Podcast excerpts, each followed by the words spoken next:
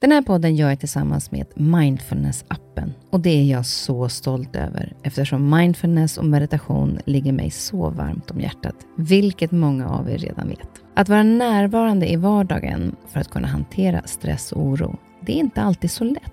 Då kan man ha mindfulness-appen nära till hands för att hjälpa dig när du behöver. För mig kan det vara så till exempel när det gäller sömnen, att vissa dagar då har jag riktigt svårt att komma till ro. Framför allt när det är mycket med jobbet. Då brukar jag använda mindfulness-appen och avsluta dagen med en avslappningsövning för att sänka stressnivån.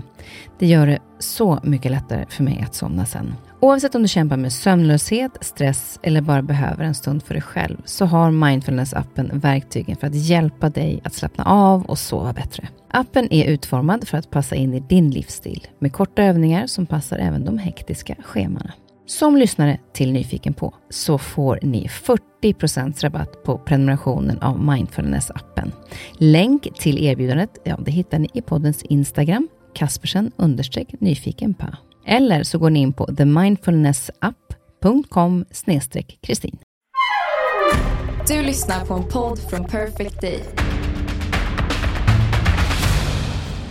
Välkommen till min podd Nyfiken på. Här får jag chansen att möta människor som jag är nyfiken på utifrån deras historia, kunskap eller erfarenheter. Människor som jag inspireras av och förhoppningsvis kan vi med det inspirera er. Och om ni gillar avsnittet får ni jättegärna dela det så fler får chansen att lyssna. Och det ger mig också möjligheten att få spridning på podden så att jag kan fortsätta länge att bjuda in människor till roliga och intressanta samtal. Glöm inte att du också kan gå in och prenumerera eller följa podden så missar du inte när avsnittet släpps. I veckans avsnitt möter jag succéförfattaren Viveka Sten. Hon har skrivit 20 böcker, 6 miljoner sålda ex i 40 länder. Mest känd är hon för böckerna Morden i Sandhamn och den senaste boken som nyligen kom ut är Botgöraren som är den tredje delen i Åremorden. Det var inte en självklarhet att Vivica skulle bli författare. Även om journalist var drömyrket som ung valde hon att läsa till civilekonom parallellt med juristlinjen. Och det var som affärsjurist som hon började arbeta inom flera olika stora bolag i början av sin karriär. Idag är hon författare på heltid och pendlar mellan Åre, Stockholm och Sandhamn när hon inte reser runt omkring i världen och promotar sina böcker. Och jag är nyfiken på varför hon valde just juridiken före journalistiken och hur det kommer sig att hon sen sadlade om till författare och varför hon har valt att skriva om platser som hon själv älskar att ta semester på. Och hur skapar hon sina karaktärer? Tillsammans med sin man Lennart har Vivica tre barn. Hon kommer själv från en skilsmässofamilj, men hon och Lennart har varit gifta i 32 år och de verkar ha en så enormt stark kärlek. Och jag är nyfiken på hur de håller sin kärlek så levande och vad som gör deras relation så trygg. Ja, du är så välkommen Vivica. Jag har ju faktiskt funderat ganska länge på att bjuda in dig, men eftersom jag alltid vill läsa böcker av de som kommer hit för att ha mm. lite mera ja, men jag tycker det är kul med research och sådär, så har jag tvekat inte lite. Inte vågat? Nej, jag har faktiskt inte vågat. Jag är ju lite deckarrädd. Ja. Men har ju nu eh, läst Botgöraren mm. och eh, inser ju att jag har ju missat dina deckare. Ja, det är upprörande tycker jag, Kristin. Ja, men alltså det är ju verkligen... och jag var ju lite rädd också med att både du och jag älskar ju Åre. Ja. Att det skulle bli lite så här, nej men gud, jag vill inte gå och tänka på massa mord när jag är här i Åre. Nej. Men eh, det blev ju inte så. Men sjukt spännande. Och eh, ja, vi, ska, vi ska komma närmare in på det, men, men hur kommer det sig att du liksom valde att börja skriva just i Åre? Det, det var så här att man pratar ibland om du vet, coronababys och coronahundar. Alltså jättemånga under corona skaffade bebisar eller hundar. Mm.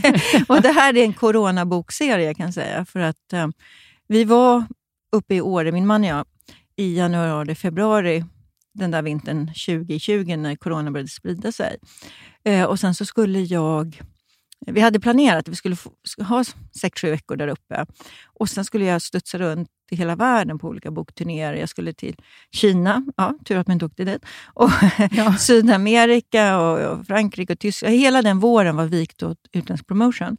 Och sen kommer ihåg, sen spred sig det här um, viruset och nyheterna och i slutet på februari så var ju stämningen nästan apokalyptisk. Alltså, så fort man tittar på nyheterna lät det som att nu, nu kommer världen att stänga ner. Alltså det kommer aldrig bli som det har varit. Alla kommer att bli sjuka och dö. Och Samtidigt så tittade jag ut genom fönstret och det var fantastiskt. Och på 14 dagar så ställdes ju alla mina engagemang in. Pang sa det bara. Du vet, allting, men du hade säkert också det. Allting ställdes, ställdes in och man bara så här, herregud. Så vi blev kvar i Åre. Man skulle inte flytta på sig heller, så vi blev kvar i Åre. Och liftarna gick fortfarande. Så, så vi åkte ju skidor. Vad skulle vi göra? Och En morgon kommer vi ner då till liften, några minuter för tidigt. Så vi står bakom spärren och liftstolarna glider ju långsamt mot oss. Du vet, så här, de går ju runt ett varv innan man släpper på folk. Och då när jag ser den där liftstolen långsamt, långsamt glida fram så tänker jag så här, Tänk om det låg ett lik på den där liftstolen. Som man tänker när man... Det är bara en deckarförfattare som tänker ja, så. precis. När man åker skidor. Så tänk om det låg ett lik framför oss med vaxblek hud och snökristaller i ögonbrynen och läppar som smalnat av kylan. Och Det där var en otroligt stark upplevelse. Så när vi skidade hem, då började jag skriva. Och Sen skrev jag det som blev då första boken i Åremorden, Offermakaren. Den skrev jag ja, i någon slags passion, i någon slags du vet, bara enorm rush av inspiration och kärlek till Åre. Och, ja, det var fantastiskt. Jag bara skrev och skrev och skrev. Och skrev och, och samtidigt berättade jag det inte för någon. Inte ens Lennart visste om det. Så att varje gång han gick förbi så smällde jag ner du vet, locket. För jag tänkte att om, om ingen vet om det så finns det inte. För om det inte blir bra, då behöver jag inte berätta det för någon. För tänk om, tänk om jag bara kan skriva om Sandhamn. Tänk om, tänk om jag inte kan skriva något annat. Ja. Men sen, alltså det var lite roligt, så efteråt så sa han till mig att det är klart att jag fattar att du höll på med en ny bok. Jag fattar att du, du är inte på Tinder. Liksom. Smäller upp datorn. Och vi, vi, firat, alltså, vi har ju varit tillsammans du vet, sen dinosaurierna gick på jorden. Vi firar 32 år i bröllopsdag nu om två veckor. Så, att, så vi har ju liksom hängt ihop rätt länge. Och, så han kan läsa av dig ganska Han lätt. kan läsa av mig rätt bra. Mm. Så det var vad som hände. Så Sen kom jag ner till Stockholm i början på maj. Skulle ha ett möte med förlaget och agenten och allesammans för att börja planera elfte Sandhamnsboken. Och då tänkte jag, men gud, jag måste säga till dem att jag har skrivit jag har ett helt nytt manus på en helt ny plats med helt nya karaktärer. Alltså en helt början på en ny serie. Eh, Då skulle vi ha ett Zoom-möte klockan tre på eftermiddagen. Så en minut i tre, då skickade jag ut en screenshot av min dator där man ser Offermakaren av Vivica Sten, första delen i Åremorden, 570 000 tecken, 420 sidor. Och så går det bara ut poff till alla. Så att när det blippar till på skärmen du vet, och hela Teamsmötet börjar, då sitter tio man och ser ut som fåglar och holkar. Bara, va? Va? Vad händer ja, nu? Vad händer nu? vad händer nu? Och Sen läste de och jag var ju bara en våt fläkt och tänkte, ah, tänk om de inte, de inte tycker om det. Ah, hjälp, hjälp, hjälp. Men som tur var så gjorde de det. De älskar ju den. Och Sen fick ju den ett otroligt mottagande. Jag, alltså jag var så nervös när den kom ut så jag kunde... Var du mer nervös för den än, än tidigare böcker? Ja, mycket mer nervös. Varför för, det? Ja, men jag tänkte så här, men tänk om folk bara förväntar sig att jag ska skriva om Sandhamn. Tänk om folk gillar det när jag skriver om skärgården, men, men fjäll var liksom inte läge. men var det också, för det tänkte jag på, är det också så att det var inspirerande att skriva om nya miljöer? Ja, det var det. Jag tror jag behövde lite nytt syre, ska jag säga. Jag hade skrivit tio Sandhamnsböcker och en novellsamling om karaktärerna. Och jag tror att jag har mått väldigt bra av att skriva om något annat. Mm. Skriva nya karaktärer. Skriva. Jag skriver också i en annan tempus. Eh, Sandhamn är ju dåtid. Du vet, Thomas öppnade dörren. Nora såg upp från bordet. Och I Åremorden så bytte jag till nutid helt avsiktligt, för jag ville tvinga mig själv att skriva på ett annat sätt. Så att nu är det Hanna ser förskräckt upp eller Daniel betraktar offret som ligger utsträckt på marken. Men vad är skillnaden där att skriva i, i dåtid? Och... Det är jättestor skillnad. För dels är det, det är mycket svårare att skriva i nutid, därför att det, det är väl okej så länge det är presens. Eh, men sen när du ska berätta ett skeende, då måste du, ha, alltså du måste jobba med perfekt och pluskvamperfekt på ett annat sätt när du beskriver ett, ett dåtida skeende i, i en nutidsform. Alltså mm. när, när eh, man ska säga, han, han ser på honom medan han berättar hur han gick in i bilen. Alltså du, plötsligt, du, du blandar alltsammans. Så, så att det är en större utmaning. Men för mig tror jag också att det blir ett annat sätt att närma mig historierna. För jag vill ju ha ett säkerhetsavstånd. Jag ville ju inte att det här skulle bli någon slags, du vet, Nora och Thomas åker på fjällsemester.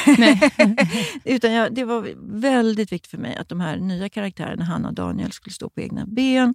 Att Åremorden skulle kännas som en helt ny serie och att eh, man verkligen skulle känna att det här är... Det är fortfarande samma författare, det är Vivica Sten, det är liksom samma varumärke och samma skrivsätt. Men det är en helt annan berättelse. Mm. Men jag tänker också så att Sandhamn då, som, nu har jag varit ute en del i Sandhamn och mm. är fortfarande, och där åker ju folk ut och går runt med en karta. och Det är inte så att du kan vara så privat där. Nej. Eh, och sen när du hittar ett ställe att vara privat på, när då skapar du ja, böcker och karaktärer kring det. Och, och, kanske liksom, nu kanske folk börjar åka dit och leta efter Vivica Stenman. Kanske jag möter henne. Ja, hur, alltså, inte, nu? hur tänker du kring det? Ja, ja det, det, är naturligtvis ett dilemma. Och det är ju riktigt, Sandhamn blir ju, svårare att vara privat på. Och samtidigt tycker jag ändå att... För det första måste jag säga folk är väldigt, väldigt snälla. Det, alltså, svenskar är ju inte, verkligen inte folk som tränger sig på. Och Det har du säkert också upplevt. Mm. Alltså, man ber om en selfie så gör man det väldigt snällt.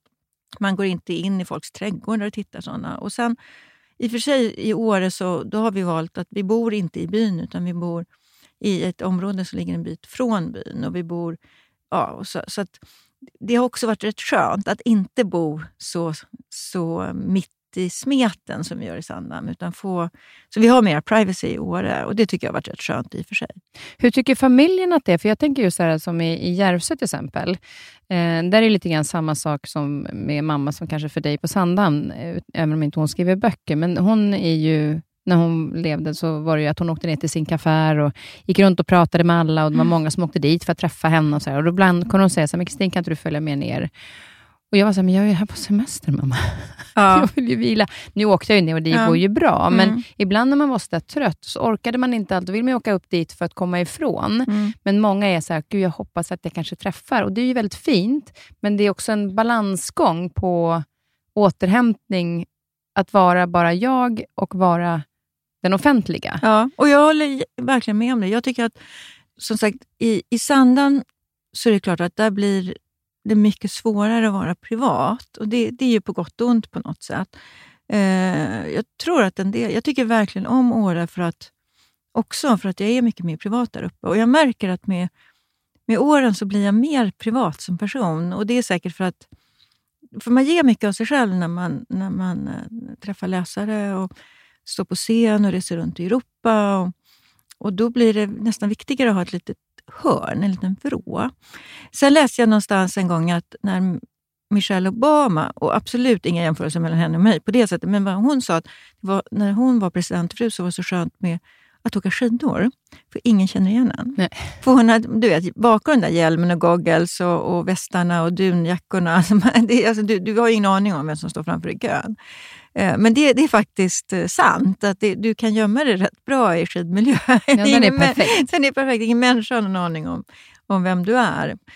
Eh, men det finns ett lugn där som jag mer och mer uppskattar. ska Jag säga. Och jag tycker det är väldigt, väldigt skönt att gå upp dit och och, och, bara vara egentligen. Jag mm. och kissekatten vi åker upp och så, så, och så, så går vi i det där uppe. När, när katten är med, då går ni i det? Ja, lite så. Ja, för henne flyttar man inte? Henne flyttar, hon är, Mischa hon är 16 och hon är, det är så roligt. Hon är en sibirisk katt som avskyr snö. Så hon, går, hon är en utekatt och älskar att vara ute på sanden men hatar snö. Så hon går inte ut i år. Hon går inte ens ut på balkongen förrän det är snöfritt där.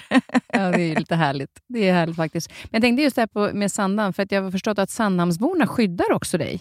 Ja, men de, de är faktiskt väldigt, väldigt gulliga. Det ska jag mm. säga. De är väldigt gulliga. De, jag vet ju, de säger till mig att folk är inne i bageriet och på andra ställen och frågar var vi bor varje dag i stort sett. Och då säger de bara, hon bor mitt i byn. Så att, jag har haft grannar som säger det, det kom ett gäng tyskar liksom och, och vi pekar dem åt andra hållet. Eller någon annan som säger, du, nu står det ett jättegäng, eh, det är mycket tyskar. Ja. nu står ett jättegäng tyskar utanför din trädgård. Du kanske ska komma in och fika en stund tills de, de har gått. Ja, ja, men det där tycker jag är så himla fint. Men ni har ju då varit eh, på Sandhamn eh, sedan 1917 när din farfars far Oskar köpte Just det, huset där. ja, det är länge sedan. Ja, och vad, vad minns du av dina barndomssomrar därifrån? Vad gjorde ni när ni var där? Alltså, vi var ju... det känns ju som att solen alltid sken. det är ju inte sant naturligtvis, men det kändes ju så. Som att den alltid sken på något sätt. Att, att, uh, vi var ju på stranden jättemycket. Det finns ju hur mycket fina stränder runt Sandhamn. De flesta känner kanske bara till Trovillstranden och Fläskberget, men det finns ju stränder överallt. Och det finns jättefina klippor att vara på. Och sen gick man till Kvarnberg för att titta på solnedgången. Det var en sån grej. Och, alltså ett av mina absolut tidigaste minnen överhuvudtaget, det är att jag får en krona, en enkrona av mamma. Och så går jag i nattlinnet till bageriet. Mm. och jag känner alla, alla som jag möter på vägen, och det, vi kan prata, vad kan vi prata 200 meter. Så alla som jag känner på vägen känner jag. Och så kommer jag till bageriet och så räcker jag fram min lilla krona. Och så får jag, om jag får ett par bullar eller några frallor, och så går jag tillbaka och sen äter vi frukost i solen nere vid bryggan. Det, det är sån riktigt, riktigt tidigt. Mm. det var något flanellnattlinne med blåa, blom, du vet, blåa urblekta blommor eller någonting. Och jag, jag var ju så pytteliten, men det var ju så tryggt då. Det är fortfarande tryggt, men då var det ännu tryggare. Mm. Så jag traskade iväg där med mitt lilla nattlinne. Ja, fina, fina barndomsminnen och också sånt som, man då kan, eh, som ens egna barn sen får, får uppleva. Men, för Jag tycker att det är lite så här, jag minns när man tittade på Saltkråkan när man var liten och jag kan ju få lite den känslan när jag kommer ut dit, mm. när det är de här öborna och jag som tycker om att vara där nu när det är off-season, mm. tycker det är fantastiskt. För det är liksom det här lugnet som är. Ja. Men tycker att Sandhamn har ändrats mycket sen du var liten? Ja, men det är klart det har. Ehm, det har ju ändrats på så sätt eh, Ja, dels är det många fler mord där ute. Ja, det är jättemånga mord. Väldigt många mord är det. Jag har en granne som säger att jag har tagit livet av 5% av befolkningen. Ja, men, men det som den stora förändringen tycker jag är väl egentligen att eh, tyvärr har priserna gått upp väldigt, väldigt mycket. Och då får du, du får egentligen två effekter. Det ena är att det blir en annan sammansättning av de som har hus, därför att det krävs andra ekonomiska resurser för att köpa hus. Och Vad som också händer är att många av de gamla familjerna eh, säljer i samband med arvskiften. För förut, förut var det fantastiskt om det kom ut ett hus varannat eller var tredje år, för att husen ärvdes hela tiden. Precis som vi har ärvt och ärvt, ärvt. Men när husen blir så värdefulla, då kan inte alltid syskon lösa ut varandra. Eh, och något syskon kanske till varje pris vill bo kvar och något annat syskon vill ta pengarna du vet, och köpa något i södra Europa, någonstans där det är varmt. Och Det gör ju att, att det blir en förändring. Och förvisso ska jag säga att väldigt, väldigt många som köper hus är väldigt trevliga och lyhörda och lyssnar. Men, men det finns också de som kommer in och på något vis tycker att nu har jag betalat så mycket för mitt hus och nu kan jag göra precis vad jag vill. Och, och det har varit några sådana incidenter, folk som har köpt du vet, strandtomter. Och det är en gammal, gammal tradition på Sandhamn. Man ska alltid kunna gå runt Sandhamns stränder. Det slogs fast i 1905 års laga skifte att man får inte inhägna stränderna. Utan även om du äger en strandtomt så ska du alltid kunna passera. Och ja, vad ska jag säga, var tionde år eller var femte år så då är det någon som du vet, betalar en absolut förmögenhet för en strandtomt och så smäller de upp ett staket och så säger de det här är mitt och här ska man inte passera och så blir det bråk. Och Vi brukar säga lite skämtsamt att det tar ungefär fem sex år att potträna de här nya. de nya. Ja. För sen fattar ju de också att, att man måste vara lite lyhörd för traditioner och seder. Och, och vill man vara helt fred och bestämma själv, då kan man väl ta de där pengarna och köpa någon annanstans. Då kan mm. du köpa en ö, så får du vara i fred. Men om du vill komma in i samhället och vara en del av ön, och, och så, då får man ju vara lite ödmjuk inför gamla sedvänjor. Mm. Men man får väl inte bygga då eftersom det är stadgat i det? Alltså man får ju bygga, du får ju bygga. Och särskilt om det redan finns ett hus så får du bygga. Mm. Men just det här att... Men att just in, hängna in? Att man in, hängna in, mm. precis. Och någon har, det finns väl några som har gjort staket, men då har de eh, en grind. Och så, ja, men man kan ju ha en grind och så sätter man upp en skylt liksom, där man säger att uh, det här är privatmark, passage är tillåten. Men var snäll och visa ja, hänsyn. Det. det går väl jättebra. Och Jag skrev faktiskt en, en av mina böcker, nu ska jag säga här, åttonde boken i, i Maktens skugga.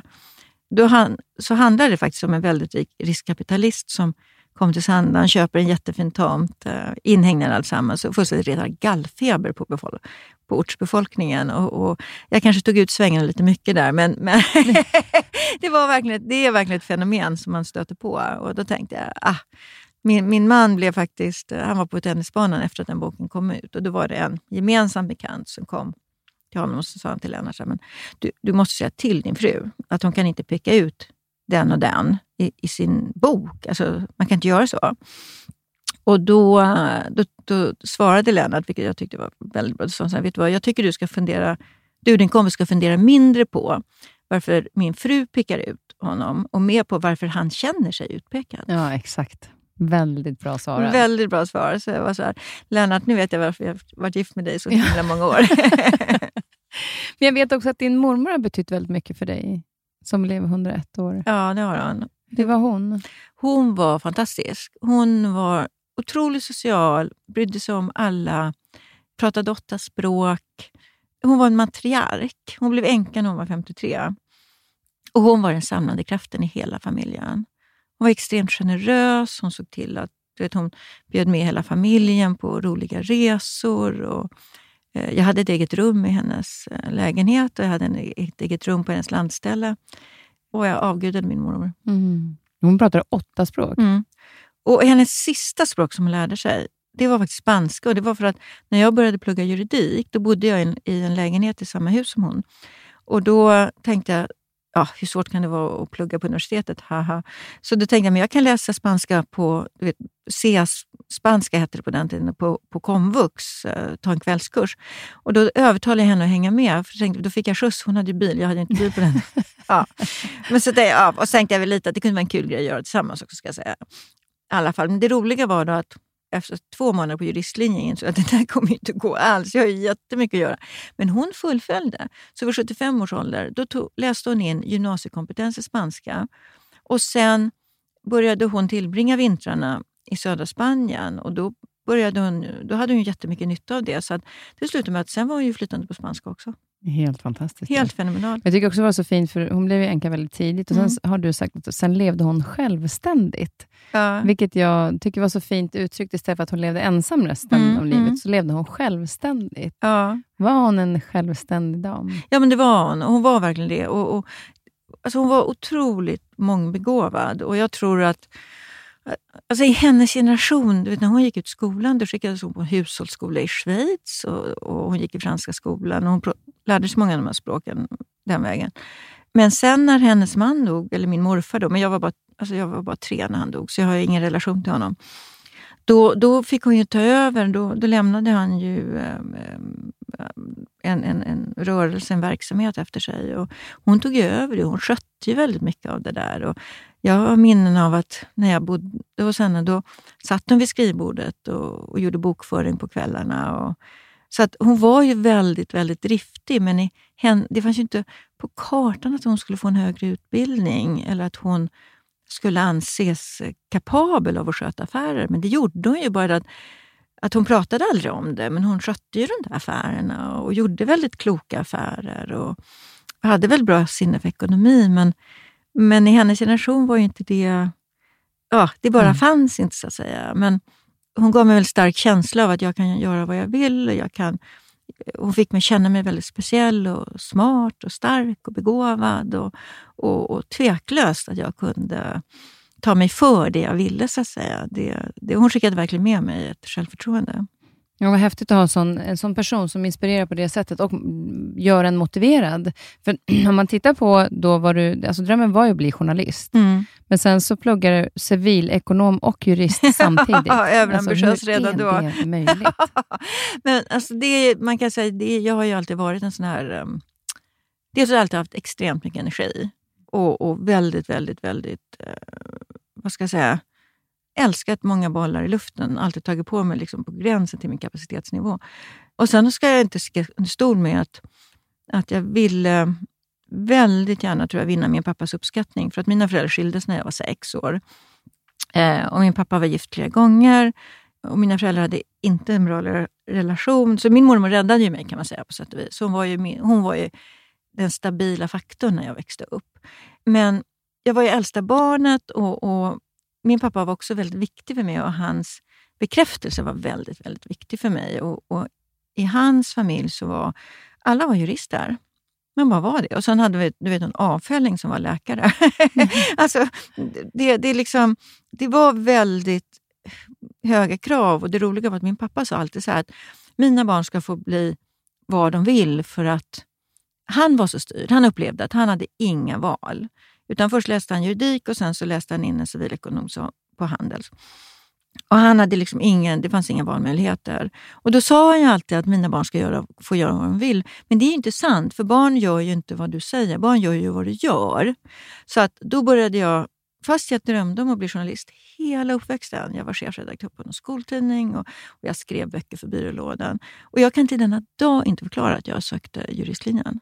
Det var, det var, jag bara, det var bara något Per automatik för att familjen, ja, för familjen hade det ja, i ja. sig. Och sen skulle jag naturligtvis då överträffa pappa. Så eftersom han läste först juridik och, och sen civilekonom, då skulle jag naturligtvis läsa dubbelt. För att, ja, det, det, alltså du kan inte alltid med logik förklara vissa val du gör. Utan jag kan ju se hur styrd jag var, men jag kan liksom inte säga att jag resonerade mig fram till det här eh, då. Utan det tog ju många, många år innan jag kunde börja bena ut en del av de här sakerna.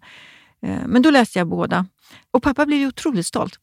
Och jag blev otroligt glad när han blev så otroligt stolt. För att som barn är man... Man kan ju bråka med sina föräldrar, men, men deras uppfattning och deras bekräftelse är väldigt, väldigt viktig. Mm. Och Sen jobbade du också som affärsjurist Ja, på stora bolag. Sista ett och ett halva året jobbade alltså innan jag var klar, Ja. så fick jag ett halvtidsjobb på SAS.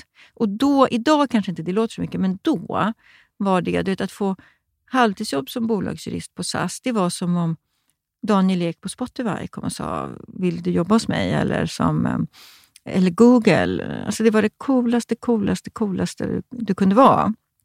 Eh, Så det var ju fantastiskt. Och när de kom och sa, jag hade ett sommarjobb där, och så sa de, vill inte du jobba halvtid hos oss medan du läser klart på handelsjuristlinjen?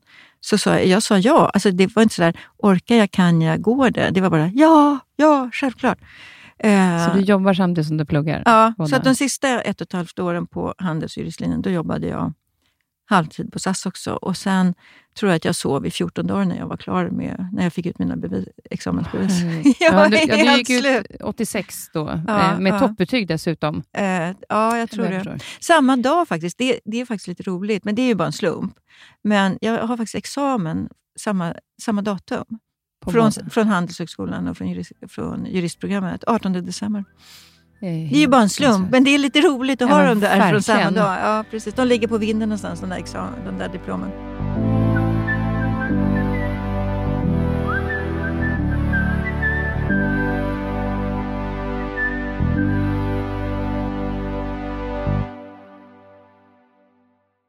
Men vad hände, för att någonstans då, när du jobbade som, som eh, då, jurist, vad var det som fick dig sen att bryta det och gå över till författarskapet?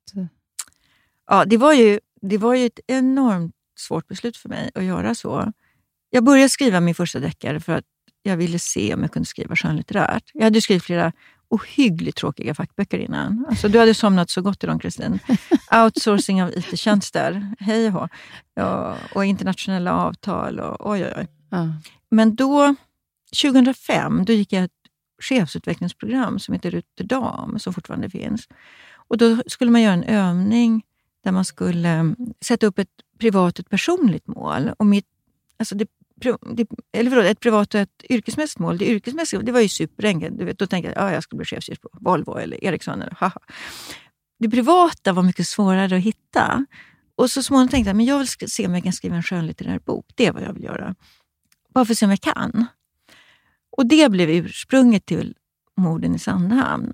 Och sen när jag hade skrivit den, och du vet, sena kvällar, tidiga morgnar, liksom, på tåg och på flyg och på Vaxholmsbåtar, hej och så sa Lennart till slut, men nu får du väl skicka in den någonstans. Och jag var bara, ah, alla kommer skratta åt mig.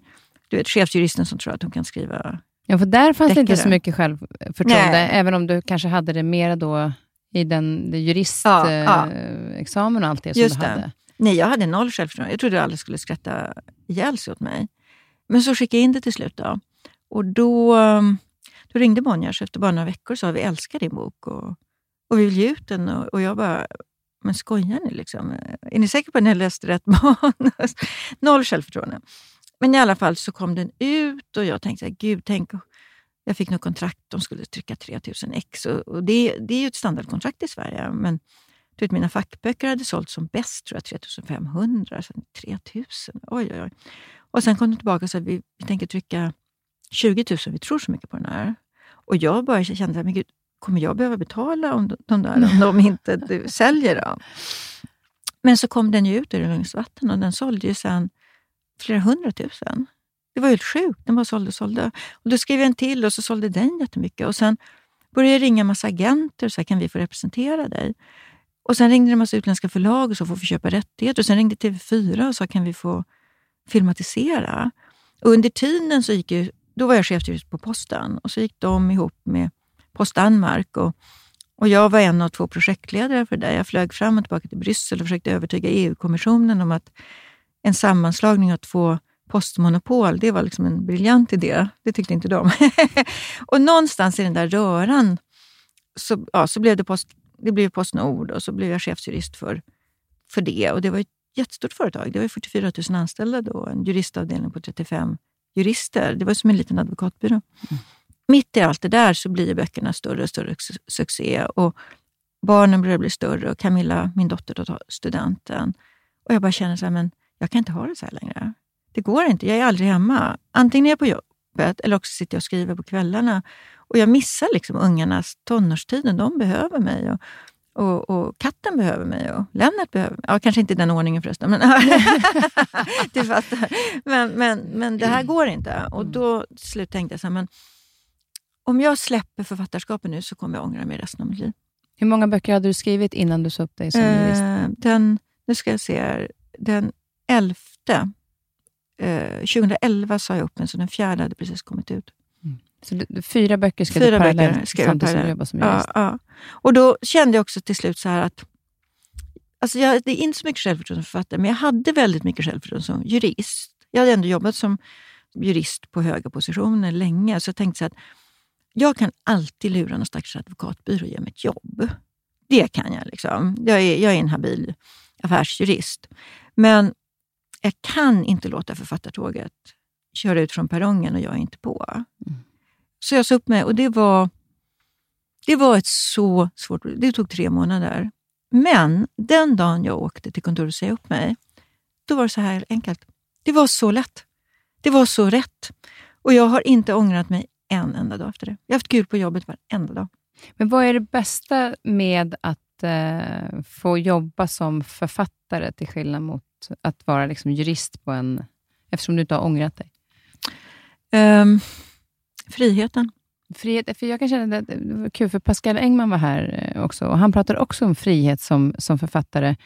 Men jag tänker ju att när man har skrivit en bok så ska man leva upp till att göra en bra bok igen. Ja. på något sätt på vilket sätt är det frihet att vara författare? Jo, men dels så får jag bestämma själv. Och jag, har ju, jag tycker att jag har ett extremt privilegierat liv. Jag kan vara i Sandhamn på sommaren, i Åre på vintern.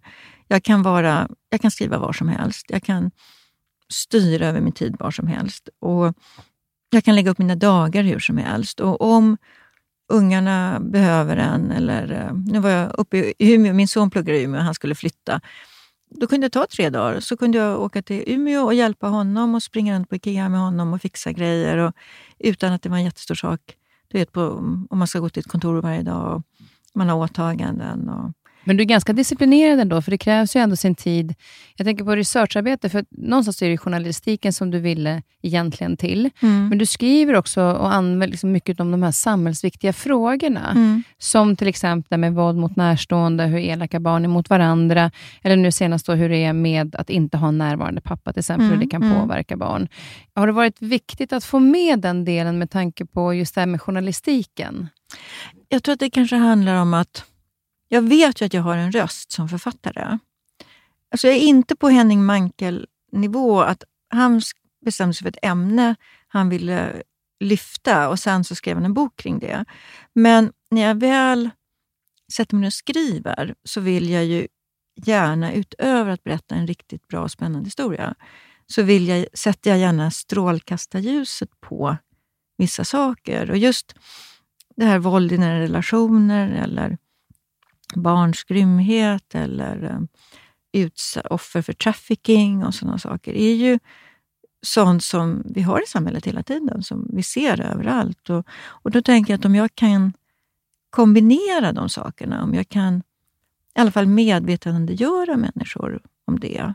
Jag har ju tillsammans med min dotter Camilla vi har skrivit en fantasy-trilogi för ungdomar, alltså 10 till 15. Och där, den har ett väldigt, väldigt starkt miljötema. Östersjöns, eh, Östersjön är ju så förorenad och vad man kan göra. Och det var också en sån här tanke att det är ju egentligen en fantasyberättelse om en 12-årig tjej som bor på Harö som har magiska krafter och måste bekämpa havsmonster som väcks till liv av miljöförstöringen.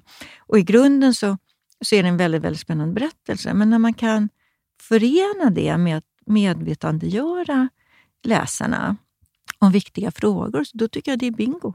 Ja, då får, och jag tror också så att man, jag i alla fall tar till mig den delen på ett annat sätt än vad jag gör om jag ser det på nyheterna. Mm. Utan att det blir någonting som undermedvetet lägger sig. Mm, som jag kanske går och funderar på i efterhand. Ja. När jag fått det berättat just i, i skönlitteratur. Mm. Så det är ju ett väldigt bra sätt också att nå ut. Men när man, nu när jag läste då den här eh, Botgören, jag är så stolt att jag har lyckats läsa en deckare. jag är stolt över dig Kristin. ja, jag har många böcker att läsa av dig. Eh, så, eh, dels så tänker jag så här, det är mycket det här med att man hittar olika karaktärer. Jag tycker det är bara roligt, så här, hur kommer alla namnen till? En sån där enkel sak egentligen. Men mm. att sitta och hitta på namn, mm. hur, hur gör du det? Alltså är det? Plockar du det från människor du möter eller är det... Mycket listor faktiskt. Alltså, du vet, om någon är född på 80-talet, då googlar man 100 mest populära namn på 80-talets flicknamn och pojknamn. Sen försöker jag att inte slösa med bra namn. För Det har jag gjort i början, att jag har haft jättebra namn. Och så har jag liksom slösat bort dem på en bikaraktär som bara är med väldigt, väldigt kort. Och så kan man säga oh, det där hade varit ett Vad så är ett bra, bra namn? Ett bra namn är ju någonting som är, fastnar i minnet och sitter kvar och passar den karaktären. Men sen måste det också vara ganska tidstypiskt eller platstypiskt. Alltså att, att kalla någon för, som är född en millennial, för Angelica, är inget bra. Eller, eller ännu värre, Britt-Marie. För det kommer att skorra, det kommer inte funka. Medan i Åremorden så heter ju um, Daniels lilla dotter Alice. Hon har ju varit på topplistan i 20 år. Liksom. Och samma sak där, om du har ett gäng tonåringar så behöver de heta saker som typ William och, och Sebastian och Viktor och Oscar. Och, eller hur? Mm. Filip. Mm, Filip, ja. har en Filip. Därför att det var ungefär vad de heter. Mm. Eh, medan, igen, liksom, du kan inte, jag kan inte döpa en, en kille som är 17 till Åke. Det funkar inte. Men däremot så kan det ibland vara lite synd ja, om jag har liksom slösat bort ett bra namn. Om vi tar vi har ju en, en väldigt viktig bikaraktär i Båtgören som heter Henry i förnamn. Och herregud vad jag slet med det namnet. För Jag ville att det skulle vara ett namn som var kraftfullt. Han är, han är ju en uh, väldigt framgångsrik uh, riskkapitalist eller liksom finansman. Ja, inte riktigt finansman. Så det skulle vara ett namn som var kraftfullt och som var internationellt och som signalerade styrka men också lite spänning och lite attraktivt. Och jag höll på med den här. Först hette han Aron. Jag tyckte Aron var ett väldigt bra namn. Jag älskade Aron. Men då har jag en annan karaktär som heter Anton och då sa min redaktör att de där är för lika. Aron och Anton är för lika. Det kommer inte funka. Och då började jag byta. Och jag har långa, långa sms-konversationer med min dotter Camilla, för vi pratar ofta om sådana grejer och kollar och, och bytte namn fram och tillbaka. Och vad skulle han kunna heta nu då? Och vad skulle funka och vad skulle kännas bra? Och jag föreslog något, na, kommer ihåg, det var något sånt där, Jack tror jag att jag föreslog. Och hon var bara så här, men skärp dig mamma. Det är liksom, alla kommer tänka på Jack Nicholson och du har ju redan, det här har ju, du har ju med ett hotell som ser ut som något från The Shining. Det kommer inte gå. Nähä, det kommer inte gå. Okej, ja. Vi höll på där fram och tillbaka och så till slut landade jag på Henry och jag är jättenöjd med Henry. Men det, det för även i mitt huvud så måste ju namnet stämma på den här personen. Mm. Jag måste ju se honom framför mig. Och är det då fel namn, då blir det jättesvårt att skriva om honom. Så att karaktärerna tar du fram först eh, och sen kan du använda ett namn på den, men när du känner att den inte riktigt lirar, då, kan du, då byter ja, du namn. Ja, precis. Så att det, får liksom, det kan bytas ända in i slutet ja, egentligen. Ja, och det gjorde det på några stycken. så mm. byttes mm. det. Just för att man kommer på att vänta, det här är för nära någon annan. Eller att, men du hade ju faktiskt någon i förrförra boken som hade ett väldigt likt namn. Och I ett annat fall, i en annan bok då hade, vi också, då hade jag ett ganska ovanligt namn på mördaren. Och Då höll vi på med det fram och tillbaka och sa men det är egentligen inget bra med ett så ovanligt namn på mördaren. Man kommer liksom fastna på det namnet hela tiden. Och så snurrade vi runt det ett antal gånger. Då, vad ska den här personen heta? Så att, Um, det är så kul att höra liksom allt det där jobbet som ligger någonstans bakom, fast det bara handlar om namnen. Man ja, tror att, ja. det, det är någonstans här, eftersom det är så pass många olika karaktärer och det dyker upp människor hela tiden i dina böcker, nya människor, så är det ju, eller karaktärer, så blir det ju ändå ett, en jakt på namnen. Liksom. Ja, men så är det. Och på Sandhamn ibland, ibland har jag gått runt på det finns en väldigt, väldigt fin kyrkogård på Sandhamn som ligger precis vid Fläskberget. Och då, så ibland går jag runt på kyrkogården och, och tänker att det är någon slags fin form av recycling. Att jag lånar lite namn från en gravsten här och en gravsten där. Och så mm. får de leva vidare i Sandhamnsböckerna på något sätt.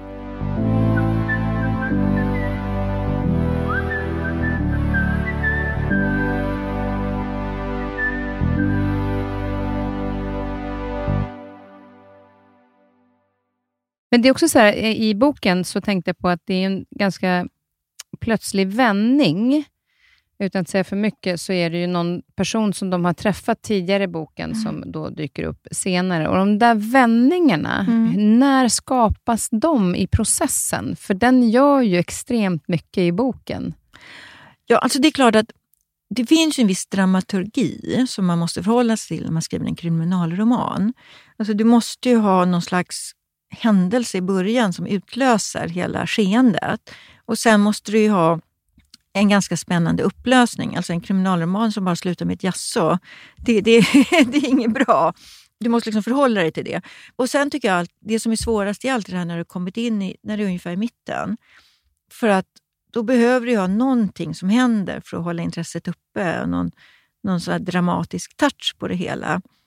Och, och, Det är lite grann som att lägga ett pussel. För samtidigt ska du ju pytsa ut väldigt mycket information som, som du sen ska använda på slutet. Och om du inte pytsar ut den under resans gång, då blir upplösningen helt ologisk, för då fattar man inte varför blev det som det blev. Men utpytsandet av informationen är inte så spännande. Det, det är ett måste. Det är ungefär som om du, vet, om, du bygger, om du ska bygga ett hus. Om du jämför ett romanbygge med ett hus, så är det så här att när du tänker att det ska vara klart, då ska det vara jättefint och piffat och kuddar och gröna äpplen i en liten skål och tavlor och snittblommor. Men du måste ju ändå lägga tiden på att dra rören och, och dra eh, elen och smälla upp innerdörrar och innertak. Och det är inte så sexigt att göra det. Men om du inte gör det, då finns det inget hus att, att bygga så att säga. Eh, det finns ingenstans att flytta in i. Och Det där är alltid en avvägning. Man sitter där och försöker liksom bygga sitt hus på ett smart sätt så att, så att läsaren knappt ska uppfatta de här grundläggande sakerna när du lägger golv och tak och innerdörrar. Men du ska snabbt komma fram till piffandet, men, men du måste ändå bygga det från grunden. Spännande. Eh. Är, det, är det den, vilken process tycker du är roligast kring när du, eh, skrivandet i böckerna? Jag älskar ju piffandet. Alltså, det är så roligt, för att väldigt många av mina kollegor, inklusive min kära dotter, de älskar ju det här att skriva grundmanuset, alltså bygga huset. Upp med alltsammans, ut med alltsammans, få det på plats. Och jag tycker alltid att det är det svåraste då sitter jag och sliter. Liksom. Men gud, hur ska det bli nu? Och vad ska jag nu? Vad ska hända i det här kapitlet? Ska det vara ett lugnt kapitel? Ska det vara ett dramatiskt kapitel? Ska vi träffa Hanna hemma hos sig? Ska vi träffa Daniel hemma hos sig? Ska Daniel sitta och prata med sin sambo Ida? Och så vidare. och så vidare och så vidare. När grundmanus är klart och man sen får börja piffa, redigera, lägga till, dra ifrån, göra klart. Det är ju jättekul. Det är mycket roligare tycker jag när jag får liksom inreda det här huset som jag har byggt och ställa dit möbler och bestick och ställa in porslin och hänga upp fina handdukar i badrummet. Det är mycket, mycket roligare än att bygga huset. Men jag vet att väldigt många av mina kollegor tycker, ex, de tycker det är så tråkigt att piffa. De tycker det är så tråkigt att redigera. De älskar att bygga. Men är det så att du någon gång kan känna dig lite osäker på manuset? att du vill att någon ska läsa det, eller vill du liksom göra klart det först och lita på din känsla själv? Alltså, jag brukar normalt inte låta någon läsa förrän grundmanuset är klart. Men i min värld så är grundmanus det är en tredjedel av jobbet. Två tredjedelar i redigeringsprocessen, textbearbetningen. Och om vi tar Botgöraren, när den gick till tryck, då hade jag skrivit om den Jag hade skrivit den i sex versioner, från ax till limpa. Och sen hade jag läst den lika många gånger. Alltså först skriva klart en version och sen läsa det rätt igenom. Och sen hade jag läst korrektur två gånger och korrlyssnat en gång. Så att när folk, folk tror att när jag du vet, man går ut på Insta och så skriver man hurra, grundmanus är klart, nu har jag skickat in. Då, då tror folk att man är klar. Och då är verkligen det är två tredjedelar av jobbet är klart. Mm. Det är, det är ett otroligt jobb som ligger bakom. Men det går ju väldigt fort att skriva. Alltså om, du tänk, om man då pratar om det här med första Åre-boken, så var mm. det ju från ja, januari, februari där och i maj så levererade du en bok. Ja, och jag ska säga, men det ska jag säga, alltså det var all, i vanliga fall, om jag ska ut en bok i oktober, då behöver grundmanus vara klart i februari. Alltså att vi fick ut Offermakaren i oktober 2020, det var ett mirakel. Alltså jag jobbade nästan ihjäl mig med den boken. Jag satt hela sommaren i Sandhamn och jobbade dygnet runt. Alla andra gick med glass i händerna och, och satt och fikade vid bryggan. Och jag satt bara, du vet, jag satt bara vid min dator och i mitt huvud var det snö och minus 20. Och, och jag försökte få upp ett mord eller två på Åreskutan. Det var vad jag ägnade mig åt. Herregud. Men ändå, liksom just det så fascinerande att höra, för det är alla de här små detaljerna som man inte ens tänker på Nej. när man själv inte skriver, utan när man sitter där och läser, men som gör också jag har ju haft svårt att läsa böcker sedan jag var yngre, eftersom jag dels har lite dyslexiproblematik, men har ju tränat upp det. Mm. Men det är för mig är det väldigt viktigt, jag berättade för Pascal också, att hur stor texten är, om det är liksom lite mer mellanrum mellan raderna och så. Mm. För är det för litet, då orkar inte jag. Eh, men när, man väl, när, när du kommer snabbt in i en bok, vilket mm. jag tycker är härligt med de här prologerna som, som då är, för då blir man så här, vänta nu, mm. det här måste jag ta reda på hur det gick till. Vad är det som händer? Ja, exakt. Och sen blir det att få ja. till den här att du kan inte, jag bara lyssnar ett kapitel till. Ja, jag tar ja, ett kapitel till. Vad är tricket att få det till att bli sån att man inte kan sluta läsa? Ja, men jag tror verkligen, alltså dels, jag lägger ner otroligt mycket tid på att få till det.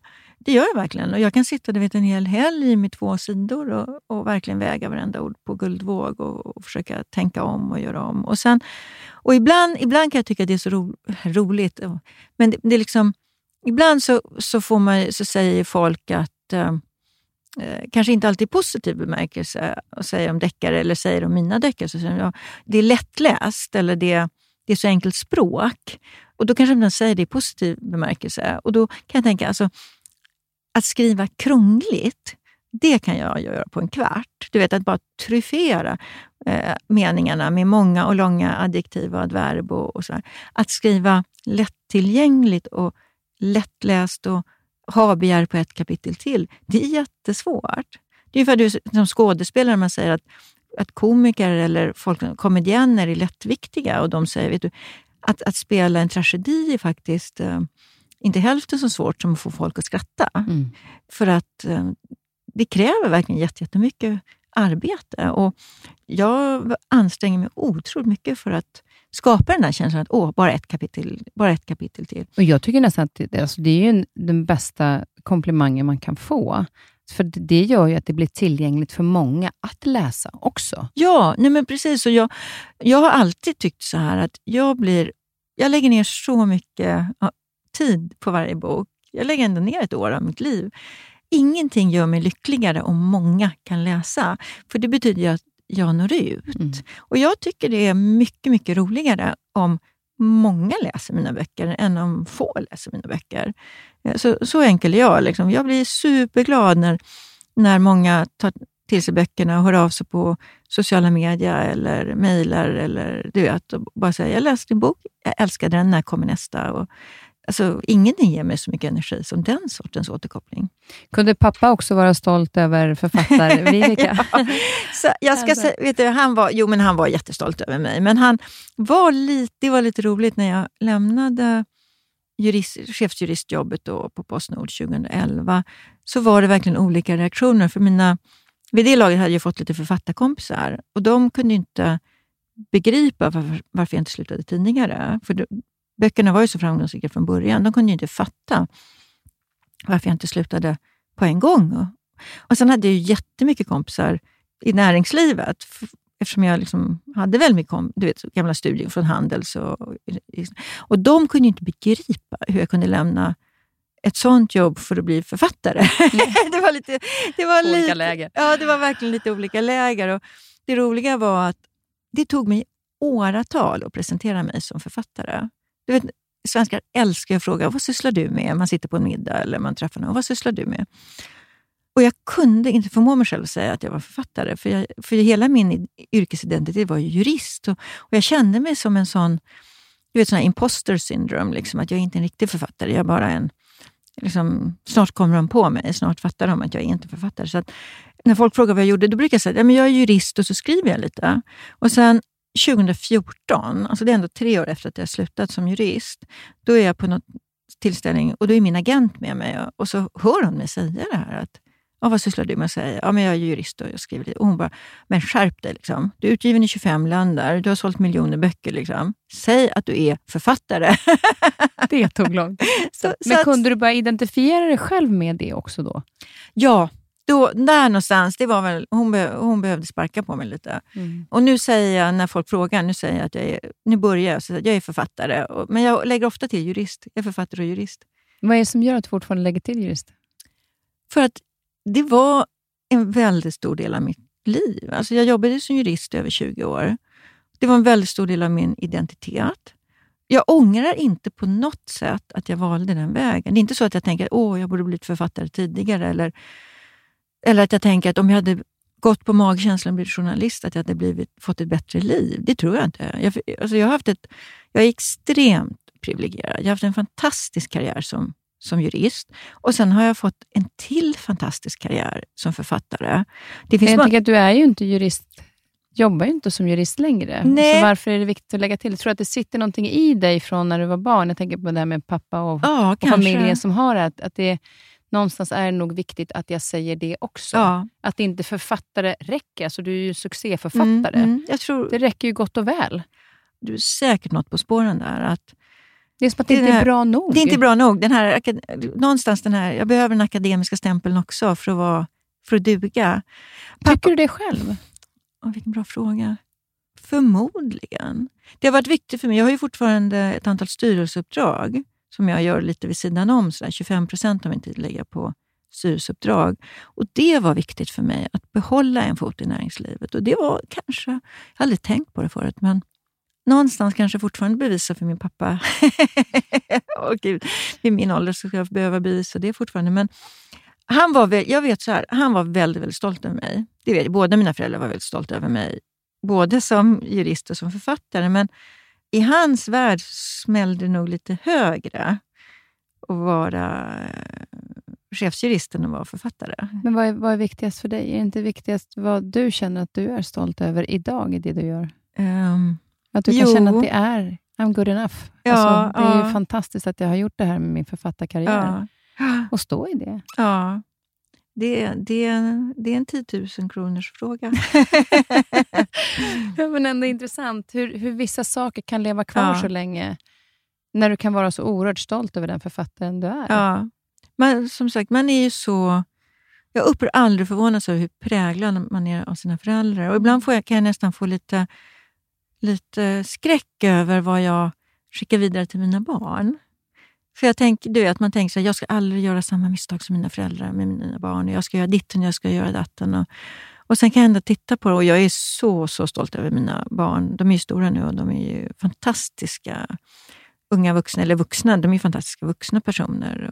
Liksom stark moralisk kompass och väldigt snälla är de allesammans också. Men, men ibland undrar jag, liksom, Gud, vad, har jag, vad har jag skickat vidare nu som, som jag inte skulle skicka vidare och som jag inte ville att de skulle ärva i nästa led? Det, Ja, det vet man ju inte. Man kan ju bara känna att jag, jag har gjort mitt... Så länge man känner tycker ja. jag att jag har gjort mitt yttersta Sen har jag kanske gjort fel vid några mm, tillfällen, mm. men då får jag väl backa upp dig i det, de misstagen. Ja. För det har inte varit meningen att det ska påverka dig. Nej. Som du säger med, med pappa till exempel. Han kanske inte någonstans vill att det ska påverka dig på det sättet. Nej. Utan han vill ju bara stärka dig i att tro på dig själv som jurist. Ja, ja, eh, mer än att bekräfta dig. Ja, ja, men, precis. men då står du där och bekräftar dig själv för att du tror att han uppskattar ja. det mer än vad författarskapet är. Ja. Så det är ju en, en intressant eh, del i vad som är sant för dig idag. Ja. Och vad som är din pappas sanning. Ja, men precis så. Mm. Precis så. Det, han gick bort 2019, och, eh, så det är tre år sedan nästan exakt. Och eh, ja, Det är intressant. Man, man, det här att man växlar mellan... Det, det händer något också tror jag när man man eh, förlorar sin sista förälder. Det är en stor process och jag tror inte jag har kommit igenom den processen än. Min mamma gick bort 2019, så gick min pappa bort 2020. Det där när man inte har någon kvar. Och Det kan jag ibland tänka så att, att det är lite fånigt, men när någonting riktigt, riktigt roligt händer, ska jag fortfarande tänka det där att jag skulle ringa mamma eller pappa och berätta det. För ingen är ju så på något vis så stolt och så glad över något man gör som ens föräldrar. Alltså det, jag ringer nu, jag ringer till Lennart och jag ringer mina unga nu, men det finns ingen som ger en den där totalt villkorslösa wow. Mm. Alltså det där att plocka upp telefonen och, och, och, ringa sin mamma eller pappa och säga vet jag vad som hände? Den finns inte kvar. Ibland tänker jag liksom att det var fantastiskt att ha det. Men jag förstod inte hur fantastiskt det var då. Och nu när det inte finns längre så, så det är en förlust som jag inte riktigt begrep hur stor den var. Den är inte riktigt klar med än och det är kanske därför också du fortfarande greppar juristen? Ja, säkert. För det var ändå en... Eh, det, det tog lång... Det, eller som sagt, jag är fortfarande inte klar riktigt med det, tror jag. Mm. Men det är, det är ju en process som man får ta. Ja, som, som får ta sin ja, tid. Ja, men liksom, precis, att man precis. jobbar med det. Ja, men väldigt fint att du berättar om det, för jag tror att det är många som... Jag kan ju bara säga jag är bara en förälder kvar. Ja, ja. Och jag är ju livrädd att han ska försvinna. Eh, jag vet att det kommer ske en dag, men jag... Just det här att inte lyfta luren. Nej. Alltså mammas nummer är fortfarande kvar i telefon. Ja, det är min mammas också. Och min pappas. Jag spelade till och med in min mammas um, svarsmeddelande. Mm innan liksom telefonnumret stängdes av. Det gjorde inte jag, men däremot lämnade jag väldigt många meddelanden så länge den fanns. Ja. ja. Så jag kunde ringa upp till telefonsvararen och ja. lämna meddelanden ja. till henne. Och det är viktigt att få göra det, tror jag. Mm. Det är viktigt att få liksom höra av sig. Eller inte höra av sig, men att få, få känna att man kan höra av sig fortfarande. Och sen att man också kan känna, som eh, vi pratade om, att man gör någonting för dem, även om de inte ser, eller ja. om de ser, det spelar ingen roll. Men att man själv känner sig att nu tror jag pappa skulle bli glad, mm. eller nu tror jag mamma skulle bli glad. För mm. det, fyller ett, det blir ett större värde ja. för en själv också. Ja. Och så kan man tänka att nu är han stolt när han sitter där. nu sitter han i sin himmel. Och, och, ja, precis.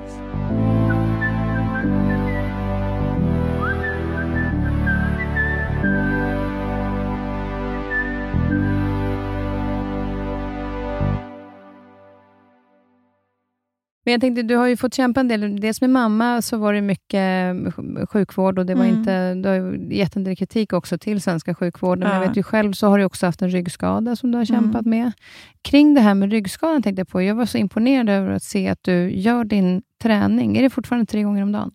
Nej, det, alltså det behövs inte göras längre. Nu räcker det med, alltså, säg någonstans mellan 45 minuter och en timme ja, fem dagar i veckan. Då. Mm. Och jag behöver inte göra den här... Jag gjorde ju Alltså jag fick ju ett träningsprogram som jag gjorde, jag tror jag gjort det 9000 gånger ungefär.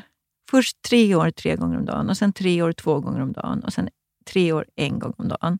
Och sen efter ungefär tio år då, så räckte det, det som jag gör nu, 45 minuter till en timme, någonting varje dag. Och Det var ju då efter din en, en förlossning, ska man säga, ja. som du Ja, det var egentligen så från början. Jag var med om en skidolycka när jag var bara 20-21 i, um, i Frankrike eh, sån här klassisk off-pist, åkte ut för ett stup. Det var, kan jag inte rekommendera. Vi åkte med guide, ska säga, så det var inte helt liksom, vettlöst. Men ja, trillade, gjorde mig väldigt illa, var dålig. Så, men det så läckte det ut.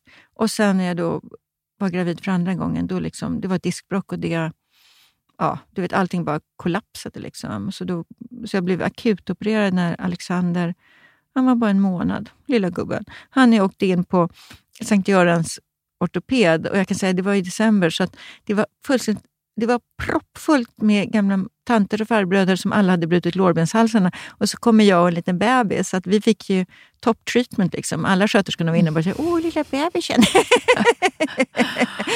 och sen efter den operationen så kan man säga att operationen lyckades. Men patienten, ja, jag dog ju inte men det, det var så mycket komplikationer så det fanns inte. Och då ville de sjukpensionera mig. Och jag, var så här, men jag var ju 36, liksom. jag menar, skärp er. Jag kan inte bli sjuk. Och hade då en bebis och en treåring. Jag bara, det finns inte. Och då sa de så här, att antingen så gör vi en operation där du får ligga i gipsvagga i tre månader. Och sen ska du lära dig att gå igen. Och jag bara, eh, how about no? Och vad finns det för alternativ? Och då sa de, ja, det, man kan träna upp de här liksom små, små, små musklerna som finns i ryggen som balettdansöser använder. Men då ska man vara, alltså, vår, den här kirurgen sa så då ska man vara envis som en röd gris. För folk orkar inte, det är för mycket rehab. Och då var jag så här, men jag är envis som en röd gris. och sen gjorde jag det. Och jag ska inte påstå att det var roligt. Och jag ska inte på något sätt påstå att det var enkelt, för det var skitjobbigt. Och det var, allt var jobbigt då. Men, men det gick. Och sen fick vi faktiskt ett barn till då. Och det, var du inte orolig inför den graviditeten, att det skulle ske Jo, men vi ville så gärna ha ett barn till. Mm. Och läkarna tyckte jag var Alltså de, de sa egentligen nästan rent ut att du är dum i huvudet om du försöker på det här igen. Jag var såhär, okej, okay. alltså nu är jag alltså envis som en röd gris och dum i huvudet. Ja. Det är bra, nu vet jag, det är min diagnos. Ja. Men det gick bra. Och jag tränade till samma kväll som vi liksom kvällen innan Leo föddes och jag tränade kvällen efter att han föddes. Så det gick bra. Så du skötte, ja, snacka ja. om envishet. Ja, så, ja, det är väl mitt liksom, mest utmärkande drag, att jag är envis som en röd gris. Men det, och det också det här att man, att man verkligen också ser vad finns det för alternativ. Att man inte ja. bara tar liksom, operationen på en gång, utan man ger andra en chans ja. eh, som, eh, för att få det också hållbart. Eh, ja, men vet du, jag, såg, alltså jag tänkte, men det går ju inte. Ska jag ligga i gipsvagga i tre månader med en bebis på ett par månader och en tre... Alltså, det framstod inte ens som ett alternativ. Och sen lära mig gå igen. Tänk om det går fel? Mm. Tänk om jag mm. sitter i rullstol resten av Det gick inte. Otäckt. Men vad härligt, att, men då är det inte, jag tänkte så gör du fortfarande tre gånger om dagen, men det är ungefär fem gånger i veckan. Som ja, och nu gör jag, jag gör ju väldigt mycket yoga. Mm. älskar yoga. Mm. Och, och, på Sandhamn har vi ju den här fantastisk utomhusyoga hela sommaren. Mm. Halv nio till halv tio. Så då sitter man Alltså ett sånt underbart sätt att börja dagen på. Sex dagar i veckan kan du gå på utomhusyoga i Sandhamn. Så hela sommaren så gör jag yoga i Sandhamn. Och sen så fantastiska Emelie Röhl, så, ja mm. precis, du känner igen också. Hon, hon kör på Zoom då tre gånger i veckan. Tisdag, torsdag 7 till 8 på morgonen och söndagar 9 till 10. Så då kör jag Zoom-yoga med henne. Och sen när jag är i Åre, då är det ju enkelt. Då, då åker jag ju skidor då gör jag ofta, det är min lunchpromenad. Liksom. Då sticker jag ut mellan halv tolv och halv två. Och när man sticker ut så då åker man ju jättemycket. Så då får jag liksom, eller så sticker man ut i längdspåret. Så, att, så det är väldigt, det är väldigt lätt liksom att, köra, att köra så. Och sen har jag ett litet löpande i källaren som jag liksom powerwalka ja, du, du, är aktiv i alla fall. Ja, ja. Eh, men det krävs ju också för att, att um, dels hålla ryggen i schack, men, men för hälsans skull. Ja, men det är inget val. Alltså, det låter kanske som om jag bara älskar att träna, men det gör jag faktiskt inte. Jag är, jag är inte en sån här som älskar att träna, utan jag, bara, jag måste göra det här. Och de två gånger sen det här hände, som jag har varit lite lat, då får jag ryggskott som heter duga. Så att det, det är inte ett alternativ. Jag Nej. måste hålla mig i, schack. Liksom. De säger att när, jag, när man närmar sig 80 då kommer de här ryggkotorna att stelna så mycket så då, får, då kommer det att lösa sig. Men jag kan ju inte gå och vänta dess, på det. Nej, men till dess så blir det träningen. Ja. En annan sak jag tänkte på också innan vi avrundar, det är ju, också, det är ju Lennart som då, nu har varit gifta snart i 32 år. Eh, vi spelar in det här nu i november, men det kommer att sändas eh, precis i början på året, så att vi är lite tidiga eh, att spela in. Men, men eh, det jag tänker på, vad är det som är liksom det som har gjort att ni fortfarande är så, verkar så otroligt kära? Vad är, det som har, liksom, vad är nyckeln till att hålla kärleken vid liv på det sättet som ni har gjort? Alltså, dels så tror jag att vi, vi pratar med varandra hela tiden. Alltså vi träffades när vi läste juridik tillsammans. Familjerätt av alla grejer. och, och det är enormt länge sedan. Men vi har alltid pratat jättemycket med varandra. Så vi, vi kan, är vi på olika ställen, vi kan ringa varandra fyra, fem gånger om dagen och mässar. Och eh, alltid haft jättemycket att prata om. Sen tror jag faktiskt att när vi träffades så tyckte våra kompisar att vi var rätt olika. Vi var rätt olika. Vi, alltså vi kom från väldigt skilda bakgrunder. Och vi kom, han var från Göteborg och jag var från Stockholm. och vi hade väldigt olika... Han var den första akademikern i sin släkt och jag kom från en högborgerlig familj. Du vet, som sagt, liksom, där alla skulle vara jurister sen Hedenhös. Um, och sen var vi rätt lika. Vi var rätt lika. Liksom. Samma syn på barnuppfostran, samma syn på ekonomi. Uh, väldigt liksom ehm, uh, ense om hur vi ville leva våra liv och, och samma syn på jobb och karriär. Och, och han har alltid varit övertygad om hur bra jag är. Och jag har alltid varit väldigt övertygad om hur bra han är. Och jag tror det har varit en ganska bra värdegemenskap. Liksom. Att jag har alltid känt mig liksom som mitt bästa jag med honom. Mm. I hans ögon så är jag mycket smartare och mer begåvad och vackrare. Och allting med mig är bättre i hans ögon än vad jag är på riktigt. Men jag gillar illusionen. Liksom. och Det kan jag tycka är fantastiskt, att han, han, han kan fortfarande stanna upp mitt i något liksom, och bara säga det sa han en dag, så, men vad vacker du är. Och då blir man så här, hmm. Ja. Bara helt opåkallat. Liksom. Vi var i köket. Men alltså, ni, ni ser, verkar verkligen se varandra fortfarande. För många gånger är det ju liksom under barntiden, att man har så mycket med barnen att göra, man hinner knappt se varandra. Men att ändå stanna upp mitt i allting och så bara, jag ser dig. Ja, men så är det. Och sen ska, jag, sen ska jag verkligen inte säga att det, det är klart att vi har haft våra ups and downs och duster. Och, till exempel när jag var så sjuk i ryggen. Det var ju jätte, jättejobbigt för alla det var ju fruktansvärt jobbigt. Liksom. Och han, fick, han var så slut, och som brukar berätta, att när, när han, liksom, han gick upp på morgonen så kräktes han varje morgon. Han var helt utmattad. Du vet. Vi hade så små barn och jag var så sjuk och jag kunde inte lyfta ett finger.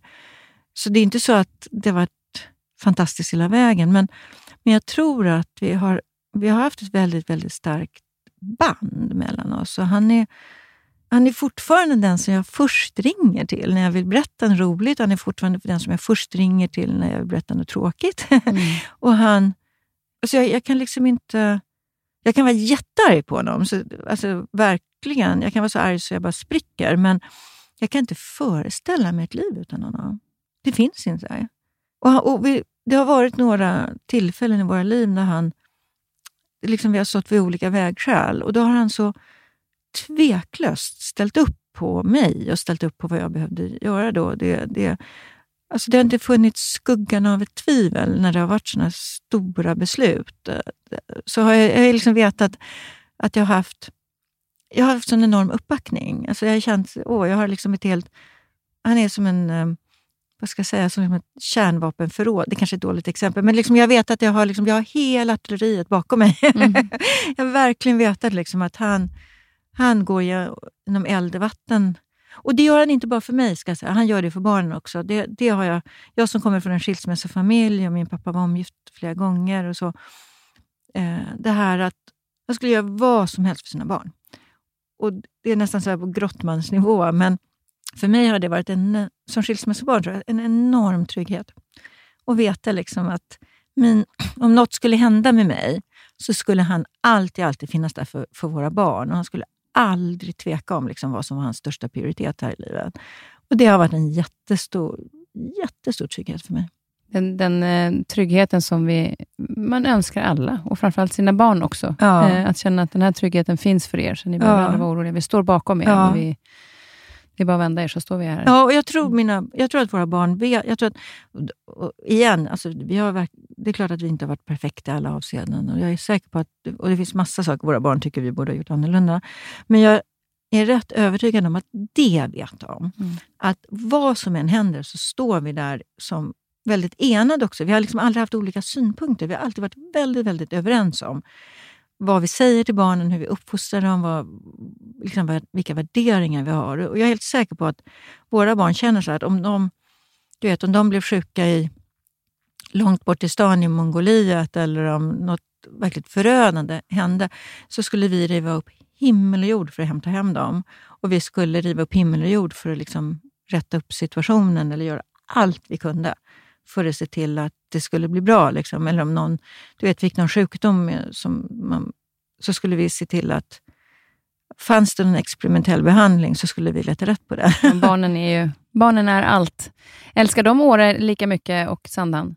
Eh, det är lite blandat. Ja. Det är lite blandat. Eh, vi har... Eh, det är lite olika, ska jag säga. Alla älskar, gillar ju att vara där, men alla älskar inte lika intensivt som, som jag gör.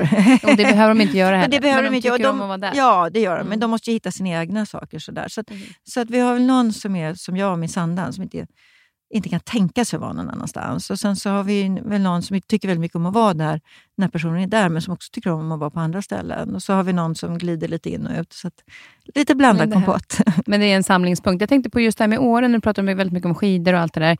På Sandhamn, jag läste någonstans att du, du är inte speciellt händig, säger du. Alltså, Jag kan inte ens sätta ihop en billig bokhylla. nej, alltså, vad, vad Ikeas instruktioner är som grekiska.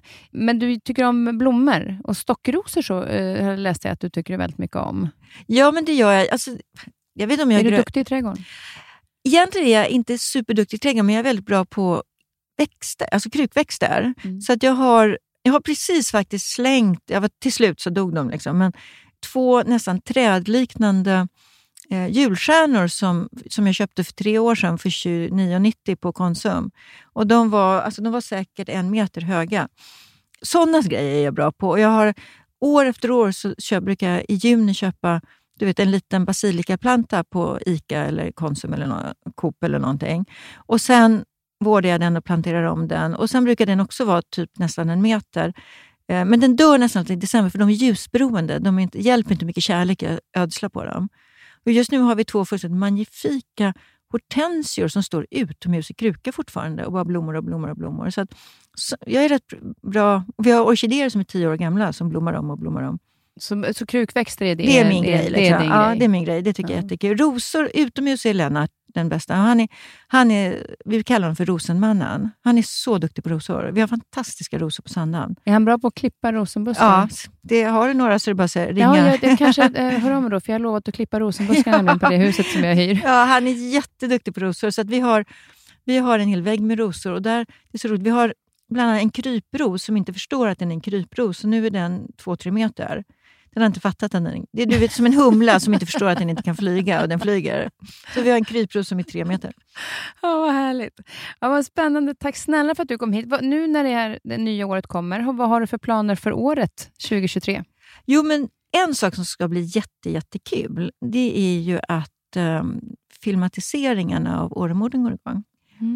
Och det är ju helt fantastiskt. Och, och det, jag har ju fått hålla det hemligt så otroligt länge. Jag har inte kunnat berätta det för någon, men nu är det äntligen offentligt. Gud, och eh, det ska bli så, så roligt att kunna ja, att vara med om det. Så att, Kommer du dyka eh, upp i de filmerna också? Självklart. I Morden Sandhamn är jag ofta en liten stat- är jag oftast ett brunt hår som bara svischar förbi.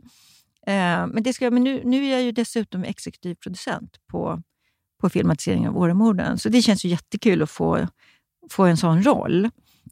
Så att de börjar ju spela in 23 januari. Och det känns fantastiskt. Så hela hösten har jag ju tittat på olika klipp av provfilmningar. Du vet, först har de provfilmat fem, sex Hannor och sen har de provfilmat fem, sex Daniel. Och sen har de ju provfilmat olika Daniel med olika Hannor. Eh, de är ju fantastiska skådespelarna. De bara smälter in i de här rollerna. Eh, och så har jag tittat på provfilmningar av Anton och provfilmningar av Raffe och provfilmningar av kommissarie Grip. Och, ja, det var så roligt. Och det, var ju, det har ju varit på något sätt Åres mest officiella hemlighet. För att i Åre har ju folk vetat det här så länge nu, för de har ju varit tvungna att och du vet, gå... Alltså det där kan du ju inte starta med på en kvart, utan de har ju varit uppe i Åre och hyrt ett helt hotell där alla ska bo och, och där det ska vara låtsas polisstation. Och sen har de hälsat på på de riktiga poliserna. De har hälsat på alla restauranger det ska filmas och hälsat på Skistar det ska filmas. Så alla vet ju om det, men jag fick inte berätta om det förrän eh, pressmeddelandet gick ut då, ehm, den 15 november. Mm. Så det känns så roligt Gud, att få berätta om det nu. Ja, vad roligt. Ja, det här blir spännande att följa.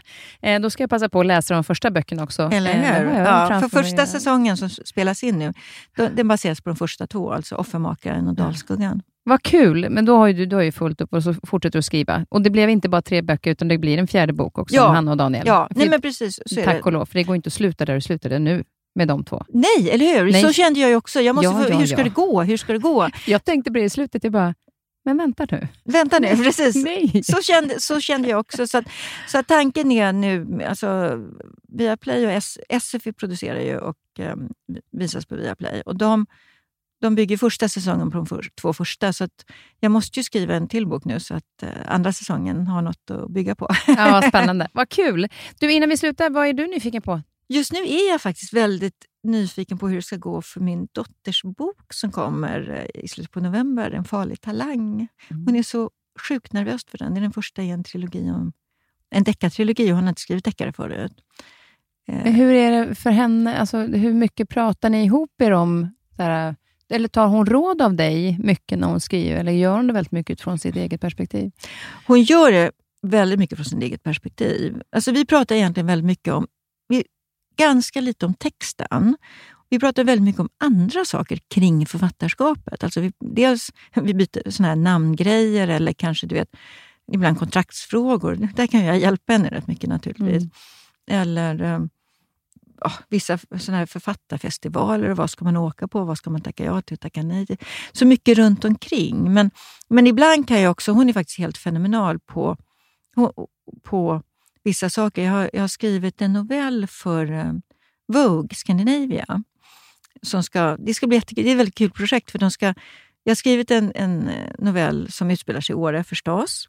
Gondolen heter den. Och Sen ska de tolka det i, i du vet, modereportage och film. Och, alltså göra en konstnärlig modetolkning av Nej, det. Häftigt. Och det är jättekul. Jätte och då fick hon läsa den och sen satte hon fingret på precis den svaga punkten som jag själv kände. Liksom att det var slutet. Jag var inte riktigt, riktigt, riktigt nöjd med slutet. Och så skickade jag över den till henne och så läste den och så kom tillbaka och sa, men om du gjorde så här istället, vad skulle hända då? Och jag bara så wow, you nailed it. Precis. Och så skrev jag om det och så blev det jättebra. Gud vad härligt att ha det ja, bollplanket ja, det är också eh, mellan er. Det är fantastiskt. Så, såna grejer, så, mm. liksom, så det är inte så att vi pratar hela tiden när hon skriver en bok och jag skriver en annan bok. Men det är väldigt coolt att ha någon som förstår, förstår verkligen på djupet vad man gör. Jag pratar ju med Lennart mycket om massa saker, men, men det, jag tänker att det är väl så här om du har en, ett barn som gör precis samma sak som du gör, då kan du mötas på ett professionellt och yrkesmässigt plan. Och Det är mm. väldigt, väldigt härligt att få en sån extra dimension i mamma-dotter-relationen. Ja, det blir ju att ni är lite grann inne i samma bubbla. Ja, och Det är precis. bara om man är i den bubblan som man kan förstå vad det handlar ja, om. Ja. Det, vi ska avsluta med en låt. Vilken eh, har du valt? Dorothy Moore är en artist som jag tycker väldigt, väldigt mycket om. Och Det finns en sång som hon har sjungit som heter uh, Misty Blue. Och Den spelade vi faktiskt på min mammas begravning, så den, den betyder jättemycket för mig. Vad, är, vad känner du när du lyssnar till den? Den är fylld av nostalgi, den är fylld av vemod. Och jag tycker den tar fram fina minnen som man, man kan bli lite blank i ögonen, men inte på ett, liksom på ett sorgligt men inte bittert sätt. Eller liksom, det är inte så inte ett ångerfyllt sätt, utan ett, ett liksom nostalgiskt sätt där man tillåter sig att tänka på fina minnen. Mm. Att sorgen är ljus. Ändå. Ja, precis. Mm. Då tar vi och lyssnar på den. Tack snälla Vivica för att du kom. Tack. Tack. Listen to me good baby I think of the things we used to do And my whole world turns misty blue i nästa veckas avsnitt träffar jag ekonomiprofessorn, författaren och föreläsaren Mikael Dahlén. Vilken underbar människa han är, med alla olika intressen kring träning, lycka, siffror och mening med livet. Och han får allt att även landa i ekonomi. Vi pratar om hur vi påverkas i dåliga tider, både mentalt och hur det påverkar vår ekonomi. Han ger även tips om hur vi kan känna lycka i tider som är lite tuffa. Och vi diskuterar också meningen i livet. Missa inte nästa veckas avsnitt.